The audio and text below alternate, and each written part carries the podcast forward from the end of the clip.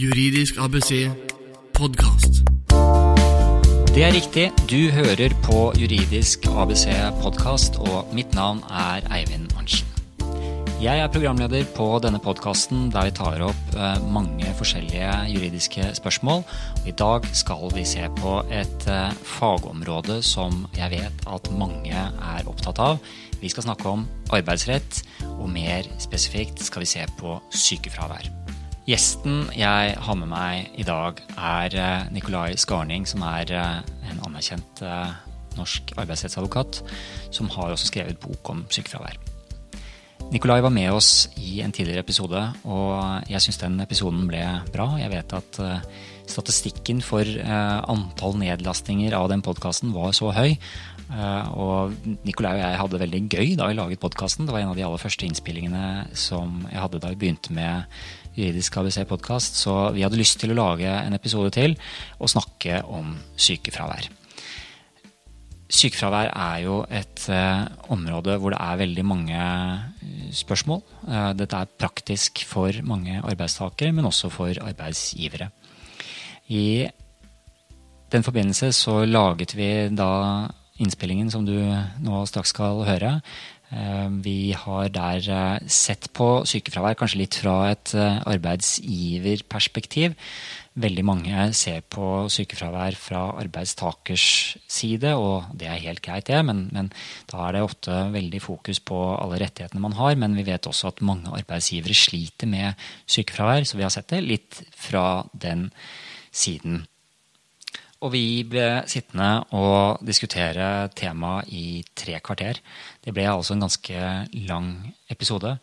Eh, og jeg tenker da at eh, for at det skal være lettere for deg som lytter, så har vi prøvd å dele det opp. Så nå vil du først høre denne innledende delen, hvor vi snakker en del i forhold til sykefravær og oppsigelsesvern og, og adgang til å foreta endringer i arbeidsforholdet. Og så splitter vi denne episoden i en del to, der vi går eh, litt inn på bl.a. sykepenger og også arbeidstakers eh, medvirkningsplikt. Jeg håper du setter pris på denne podkasten. Og hvis du vil støtte oss i eh, arbeidet med å få podkasten ut og bli kjent, og også da legge grunnlaget for at vi skal lage flere podkaster, så er det en liten tjeneste jeg må be deg om. Gå inn på iTunes, eh, abonner på podkasten, så du er sikker på at du alltid får siste episode levert rett til telefonen din. Eh, og gå også inn på noe som heter vurderinger, og legge igjen noen, noen stjerner og en liten kommentar. Eh, jeg har eh, iTunes foran meg på skjermen her akkurat nå, og der ser jeg at her er det flere som har vært inne og skrevet litt og gitt oss hyggelige tilbakemeldinger. Jeg er veldig glad for det. det er, vi har i hvert fall fått ni stjerneanmeldelser fra lyttere allerede, og det er stort sett toppscore hele veien. Og jeg har også lyst til å lese bare en av tilbakemeldingene som vi har fått. Det er Per Karstein som skrev 18.07.2014 følgende på iTunes. Bra fokus, men gjerne mer. Veldig godt fokus på podkasten med tanke på at det blir brukt et språk som er enkelt å forstå, og ting blir forklart.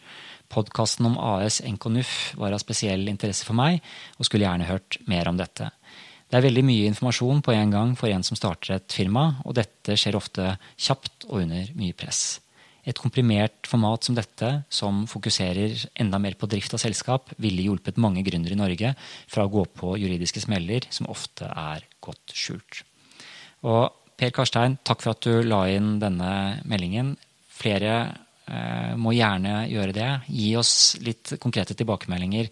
Enten da, og kanskje helst på, på iTunes, eller send en e-post til post at juridiskabc.no eh, og kom med input. Så er dette podkastprosjektet noe som pågår hele tiden, og som er dynamisk, og vi kan gjøre justeringer i formatet, også i forhold til temaer. Og selv om Per Karstein da ønsket mer informasjon om eh, det å drive selskap, så er det ikke så langt unna det vi skal altså snakke om i dag. Sykefravær er et eh, felt som kan være viktig både Eh, for det praktiske eh, å få en bedrift til å fungere, men også økonomisk sett. Så Da går vi i gang og begynner med del én av podkasten i dag. Og jeg håper du setter pris på den. Da vil jeg gjerne ønske velkommen til eh, deg, Nikolai Skarning. Velkommen tilbake til Juridisk ABC. Takk for det.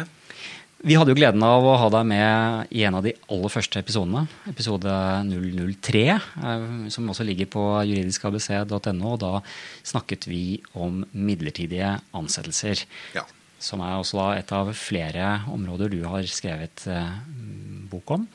Og eh, jeg hadde en lengre gjennomgang av din CV den gangen. Jeg tror ikke jeg skal gjøre det nå, men jeg vil bare Eh, til eventuelle nye lyttere så vil jeg da si at uh, Nicolai Skarning er en av Norges aller fremste arbeidsrettsadvokater. Han har i flere år ligget helt i toppen på Finansavisens kåring av de beste arbeidsrettsadvokatene. Han er mye brukt av medier. Han har ført mange viktige prinsipielle arbeidsrettssaker for domstolene, også flere for uh, Høyesterett. Han leder arbeidsrettsgruppen i et større advokatfirma i Oslo som heter Kvale advokatfirma, som vel er kjent for mange. Og har skrevet uh, Du må være en av de, uh, de norske arbeidsrettsadvokatene som har skrevet flest bøker, Nikolai? Ja, det er blitt eh, seks eh, stykker nå. Og vi holder på med også flere bøker eh, for tiden. Så det er et fagområde som interesserer meg veldig. Sist du og jeg snakket sammen, så var jo det om midlertidige ansettelser, og det er blitt nå et høyaktuelt tema etter at regjeringen skal, skal vi si, gjøre det mer fleksibelt. Så det blir enda flere muligheter for bedriftene til å kunne ansette, og forhåpentligvis flere som kommer inn i arbeidsmarkedet.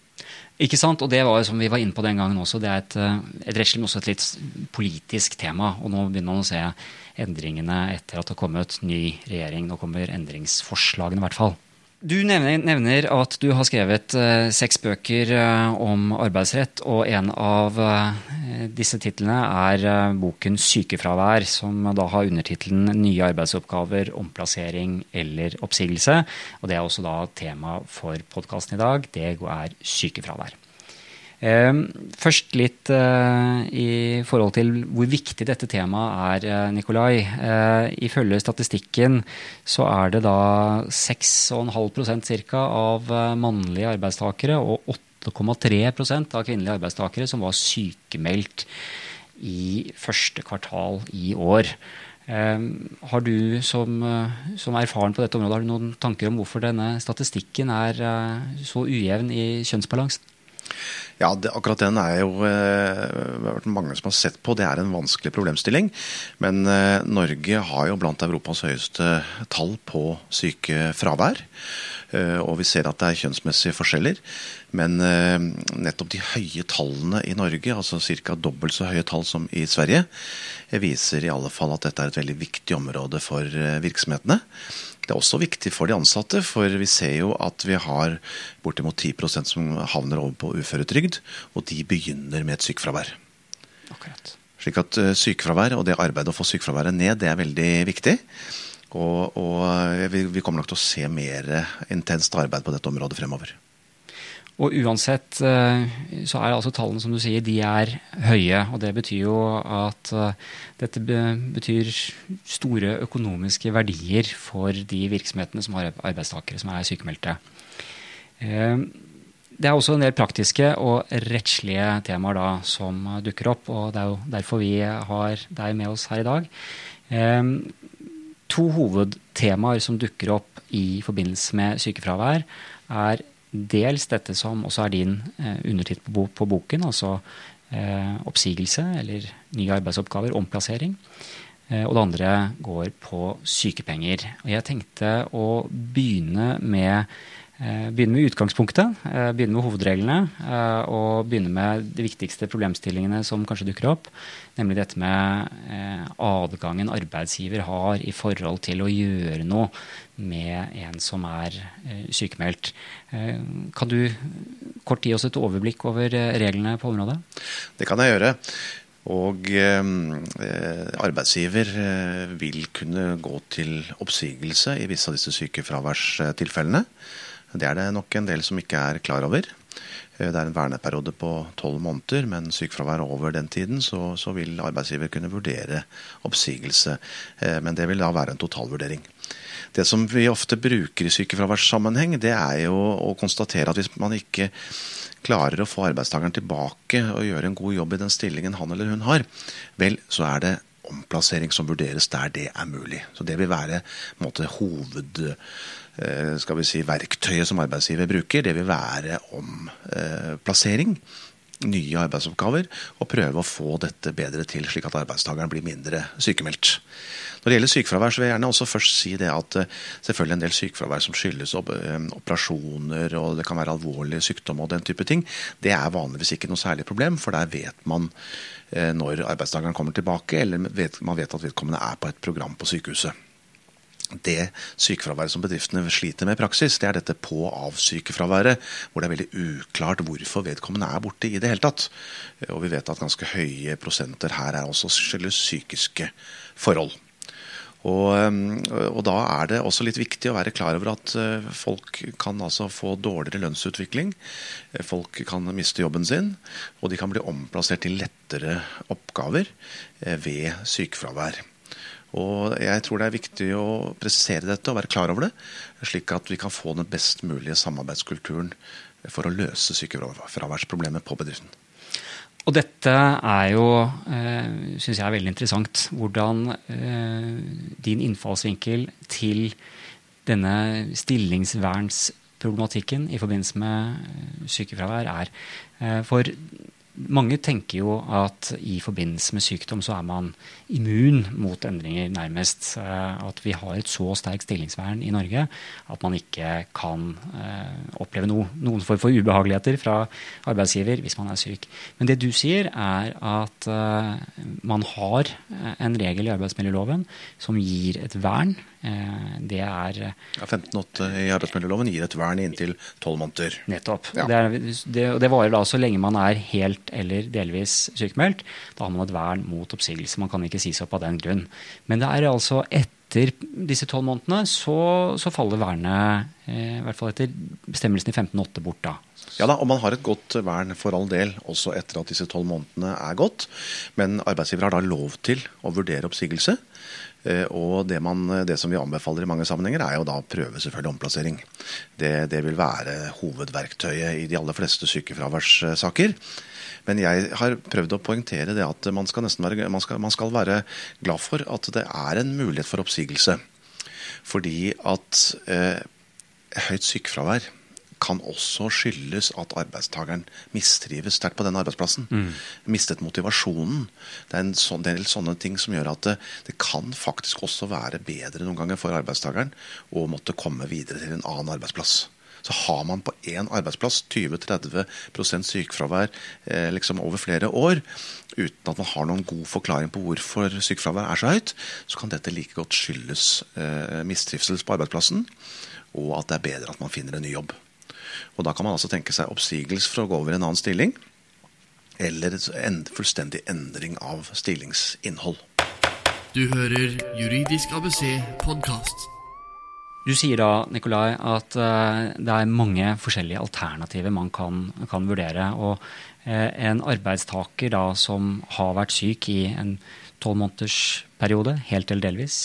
Uh, arbeidsgiver ser at vedkommende kommer tilbake, men, men eh, kanskje har vært endringer på arbeidsplassen, rammebetingelsene for stillingen er endret, eller, eller det er også slik at det blir sånn klattvis sykefravær. Da kan man begynne å gå inn i en dialog med, med vedkommende, eh, og eventuelt altså se på endring av oppgavene. Det, det, er slik jeg forstår det. Det er helt riktig, og du kan si loven har lagt opp til et opplegg da med en oppfølgingsplan innen fire uker, og så har man et dialogmøte innen syv uker ut i fraværet. Det gjelder da først og fremst 100% sykefravær, men man kan også brukes selvfølgelig på delvis sykefravær. Så det er et lovmessig opplegg nå eh, på fire uker, syv uker og 26 uker, altså et halvt år, eh, hvor loven sier da hva arbeidsgiveren skal gjøre. Nemlig sørge for at vedkommende blir fulgt opp. Det er klart og tydelig i eh, arbeidsmiljøloven i dag.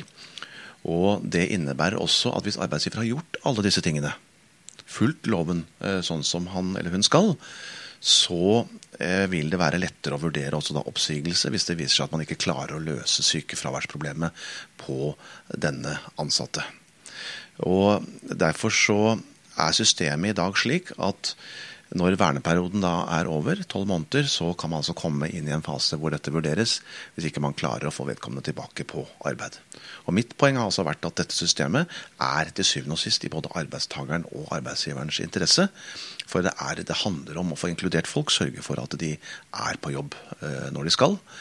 Eh, vi ser altså at sykefraværet i Sverige er omtrent halvparten av i Norge. slik at, eh, Men der borte bruker de da et annet altså sykepengesystemet som, som som en, en, oppfordring til folk å gå på jobb. I Norge så prøver vi fortsatt å holde på 100 eh, sykepenger. Og det skal vi fortsette med i hvert fall en god stund til. Så er det vel også slik eh, Nikolai, at i denne perioden som du nå har beskrevet for oss, eh, det er en periode hvor, hvor fristene har blitt kortere og kortere med, i løpet av de siste årene. Nå er vi nede i altså eh, et, I løpet av de første fire ukene så skal det utarbeides en oppfølgingsplan så har du syvukersplan, eh, og så, så fortsetter det. Ja. Eh, men eh, allerede da kan vel arbeidsgiver gå inn og si at du er f.eks. Du, er, du er delvis sykemeldt pga. skadelig slitasje så og så, men da har vi en annen passende stilling til deg som du kan ha i, i mellomtiden. Er det ikke slik jo, at du også har en omplasseringsadgang allerede i denne perioden? Jo, det, det, du sier der er veldig interessant, og det er mange som ikke er klar over akkurat det du sier der. Poenget her er jo det at du har i utgangspunktet en arbeidsavtale. Altså du som vaktmester, sekretær, advokat eller hva det måtte være. Da eh, skal du oppfylle den kontrakten slik som den står. Hvis du ikke kan det som følge av eh, sykefravær, så har du en god beskyttelse i loven for både din stilling og din inntekt. Det er alle enige om at sånn skal det være. Men det forhindrer ikke at arbeidsgiveren som da ser at ikke du klarer å gjøre jobben din, Eh, der du er nå, eh, da kan si at vel, da må vi prøve å omplassere deg, slik at du kan eh, fortsatt ha arbeid hos oss. Så Det som har vært en av mine hovedpoeng, som jeg også har skrevet om i denne boken 'Sykefravær', det er at sykefravær leder til at arbeidsgiver får noe større styringsrett enn ellers, fordi det til syvende og sist er i utgangspunktet et kontraktsbrudd fra arbeidstakerens side. Så da kan du altså bruke folk som da er for skal vi si, som sliter med et eller annet som gjør at de da ikke kan drive i markedsføringsavdelingen lenger. Kanskje sliter med konsentrasjonsevnen, eller hva det måtte være. Vel, så vil arbeidsgiveren altså i mye større grad enn ellers kunne omplassere vedkommende da til enklere oppgaver. Vel å merke så beholder arbeidstakeren i utgangspunktet lønna si, det skal sies. Eh, sånn skal det være også, selvfølgelig. Men man kan omplasseres til enklere oppgaver. Den styringsretten, utvidede styringsretten den er det mange arbeidsgivere i dag som ikke bruker. Det beklager jeg, fordi det betyr at da folk som sliter med konsentrasjonsevne eller andre ting, da isteden blir hjemme. Mens poenget med hele opplegget, IA-avtalen, altså inkluderende arbeidsliv og alt sammen, er jo nettopp å beholde vedkommende på arbeid. Mm. Eh, men da med kanskje enklere arbeidsoppgaver. Og Det er jo det viktige her, tenker jeg. At eh, dette er På mange måter så vil det kanskje oppleves som et type ris bak speilet. At arbeidsgiver da kan gå inn og, og, ha som du sier, en utvidet styringsrett og, og omplassere til andre passende oppgaver i, i, i sykeperioden. Eh, typisk ved da det ligger i natur, naturlig at det er da ved en, en delvis sykemelding. Eh, i mange tilfeller. Eh, men eh, man omplasserer til, til, andre oppgaver. Det vil være kanskje et ris bak speilet for enkelte, men det er ment som en mulighet for både arbeidstaker og arbeidsgiver på å holde den ansatte i arbeid, og unngå at dette kan gå over i et mer varig sykeforløp og, og kanskje uføresituasjon. Ja, det er ikke ment som et ris bak speilet. Det er ikke noen god sykefraværsoppfølging kan du si, å true med noe som helst. Samtidig tror jeg det er veldig viktig at arbeidstakerne er klar over at sykefravær over tid har konsekvenser. Mm. Og det at vi ser at så mye som 10% av arbeidsstyrken i Norge havner på uføretrygd, det tror jeg i ganske stor grad skyldes at man på en måte later som om at sykefraværet ikke har noen betydning. Men kollegaene, ledelsen som taper, og bedriften som taper penger, kollegaene som er nødt til å gjøre jobben til den som er borte, disse vil fort være i den situasjonen at man ikke følger opp den ansatte så godt, fordi man etter hvert ser at her klarer vi ikke å løse sykefraværsproblemet, og så får man en sånn litt usynlig barriere hvor folk i realiteten snur litt ryggen til vedkommende. I hvert fall hvis det er uforklarlig sykefravær. Og dermed så tror jeg man får en sånn litt sånn utestengelse som folk ikke er helt klar over. Dessuten så er folk med høyt sykefravær, hyppig sykefravær, de vil også fort komme bak i kø når det gjelder, eh, når det gjelder lønnsøkninger osv. Og, så og, og selvfølgelig når det gjelder kurs og den type ting.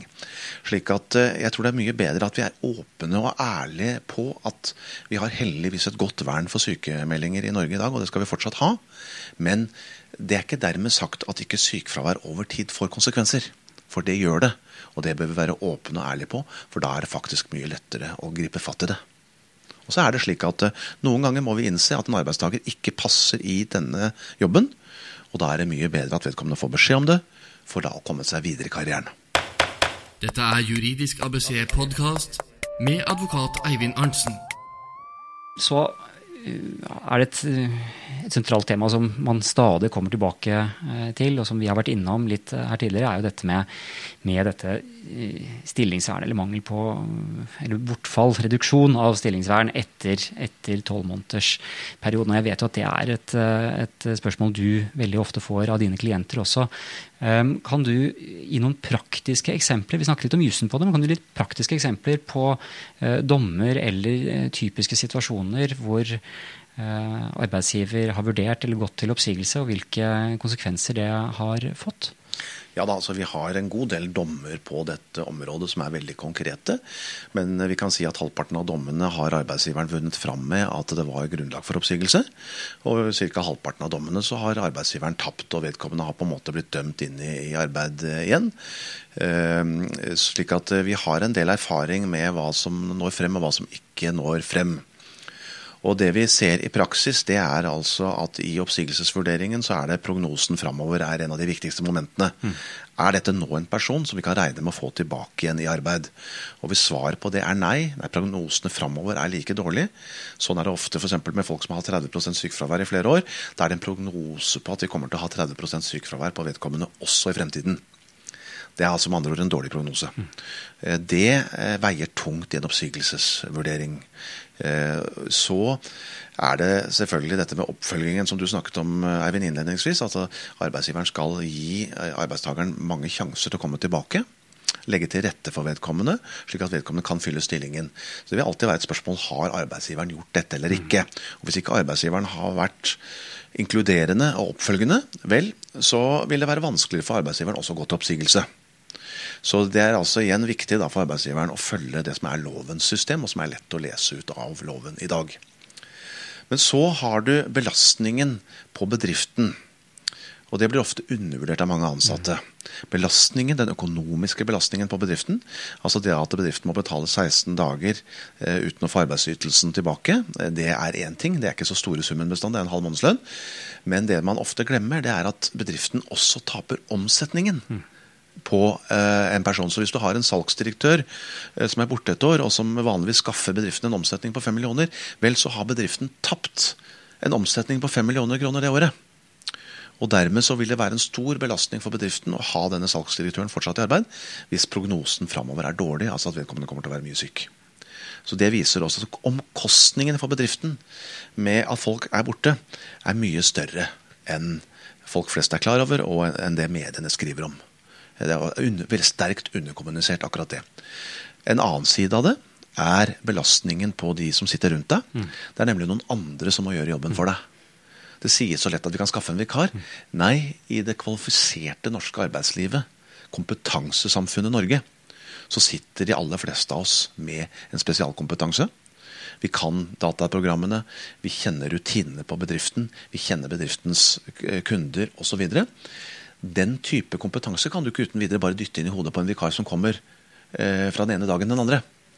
Eh, som andre ord, eh, når noen av oss da er borte, så er det noen andre som fort må gjøre jobben. Det blir en større belastning for de andre. Har du en bedrift med tre ansatte, vel, så vil en person være borte, og så er det de to andre som må gjøre jobben til den personen som er borte. Det er ofte den realiteten vi ser i Norge i dag. Belastning også da for kollegaene. Og da blir det et arbeidsmiljøproblem for de andre, fordi at de får for mye å gjøre. Det vil også veie tungt. Jeg vil jo nesten tenke at uh, man kan få en situasjon der sykefraværet i seg selv blir smittsomt. Du har en liten bedrift, en viktig person er borte i lengre tid, eller kanskje klattvis borte, sånn at det er mye som startes opp og avsluttes, og det, det blir en del rot. Andre må rydde, bort, rydde, opp når vedkommende er borte. Og så kan disse kollegaene som da har trådt til over tid, kunne få Eh, problematikk i forhold til slitasje, eller eh, du nevner psykiske problemer. Det kan være eh, mange elementer som kan, kan inntre. I det praktiske arbeidsliv så kan nok det også kanskje være en, en konsekvens av dette hyppige sykefraværet. Det tror jeg du har helt rett i, Eivind. Og paradokset her er jo når man ser på norsk helsevesen, altså sykehusene osv., så, videre, så er det jo nesten ikke noen steder hvor det er så høyt sykefravær som der. Vi har jo sett sykehjem i dette landet med 20-30% sykefravær. Eh, og da er det, tror jeg, akkurat som du sier, da er sykefraværet smittsomt. Det blir så stor belastning på de som er igjen, at eh, eh, ja, folk orker i dag ikke å gå på jobb. Man har kanskje i utgangspunktet en ganske smal bemanning, men sånn er det mange steder. Eh, og så blir noen borte, eh, og så blir belastningen for stor for de som er igjen. Juridisk ABC podkast. Så var du inne på dette med omsetningstapet når en eh, ansatt er borte. Og Kombinerer man disse to siste forholdene vi har snakket om, eh, omsetningstap og, og, smittsomt sykefravær, så, så, kan det fort gå utover en konkurranseutsatt bedrift. Og det vil nå er eh, dette med nedbemanning. Jeg har i hvert fall opplevd det selv i en del tilfeller. Og vil tro at du også har vært borti problemstillingen hvor man gjennomfører en nedbemanningsprosess. Og enten så har du da en klient som er en arbeidsgiver som foretar nedbemanningen, eller en en ansatt som blir rammet av den, og eh, som eh, da blir sykemeldt i forbindelse med det. Eh, og da det litt ledende spørsmålet her Det er kanskje ikke slik at man er vernet mot oppsigelse selv om man er sykemeldt, hvis det er en nedmanningsprosess. Nei, og det er interessant at du spør om dette, Eivind. For både dere i Daland og vi borti Kvale jobber jo veldig mye med disse problemstillingene. Ikke minst nedbemanningssituasjonene.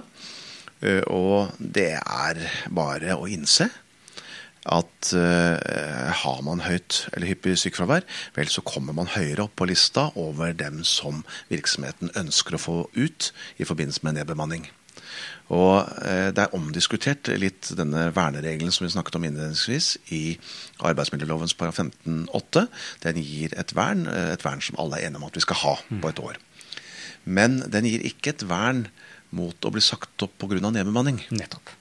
Eh, og dermed så er, ser vi fra det praktiske arbeidsliv så ser vi at tillitsvalgte, verneombudet og bedriften kan ofte være enige om visse kriterier og så ser vi at de som da har mye fravær, eh, de kan lett havne høyt opp på listen over de som skal ut. Og det forstår man egentlig veldig godt. fordi at når hvis bedriften går eh, dårlig, eh, og det handler om å redde arbeidsplassene til de som er der, så er det selvfølgelig, må bedriften satse videre på de som faktisk møter på jobben, framfor de som ikke møter på jobben.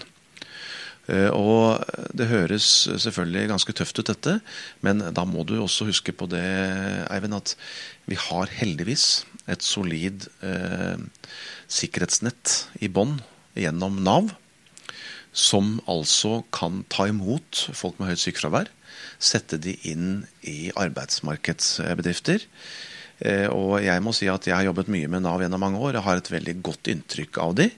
De får en god del kjeft også, eh, men eh, min, skal vi si, min uttalelse på det, eller min, min, teori på det, er at ja, det finnes dårlig kommunikasjon der som alle andre steder, men det er opp til bedriften å ha god dialog med Nav, snakke med Nav.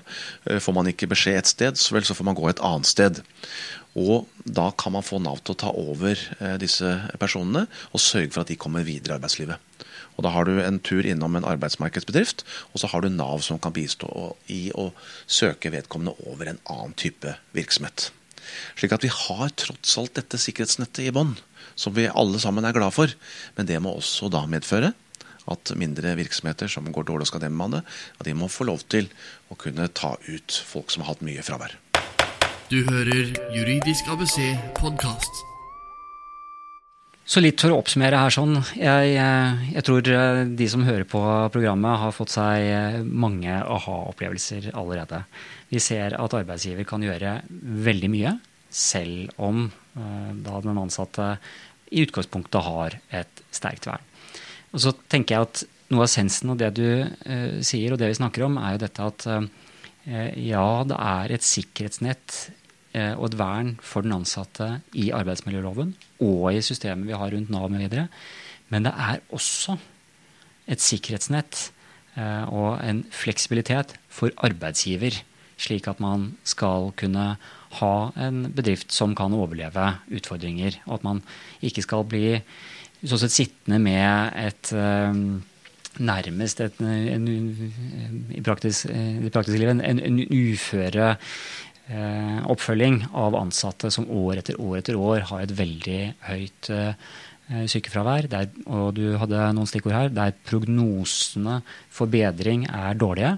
Der hvor det er ganske hyppig eh, fravær. Der hvor dette skaper problemer på, eh, på arbeidsplassen og for de øvrige ansatte. Eh, og siste poeng du hadde, var også i forhold til ja, Belastningen kan du si på arbeidsmiljøet vil være veldig viktig der. altså Både den økonomiske belastningen for bedriften, som er mye større enn folk er klar over, nemlig tap av omsetning. Eller tap av altså, aktivitet. Tap av aktivitet, kan vi godt si. Omsetning. Og ikke minst belastningen på de andre ansatte. I et kompetansesamfunn som Norge så blir belastningen på de andre som er igjen, større enn om det er veldig enkelt å få inn vikar. Så hvorvidt det er enkelt å få inn vikar eller ikke, det vil altså da også være da en del av eh, den totale vurderingen. Eh, så er det også det som jeg sa med oppfølgingen, eh, at bedriften har gjort sitt. Men det man glemmer der, det er at den ansatte må også gjøre sitt.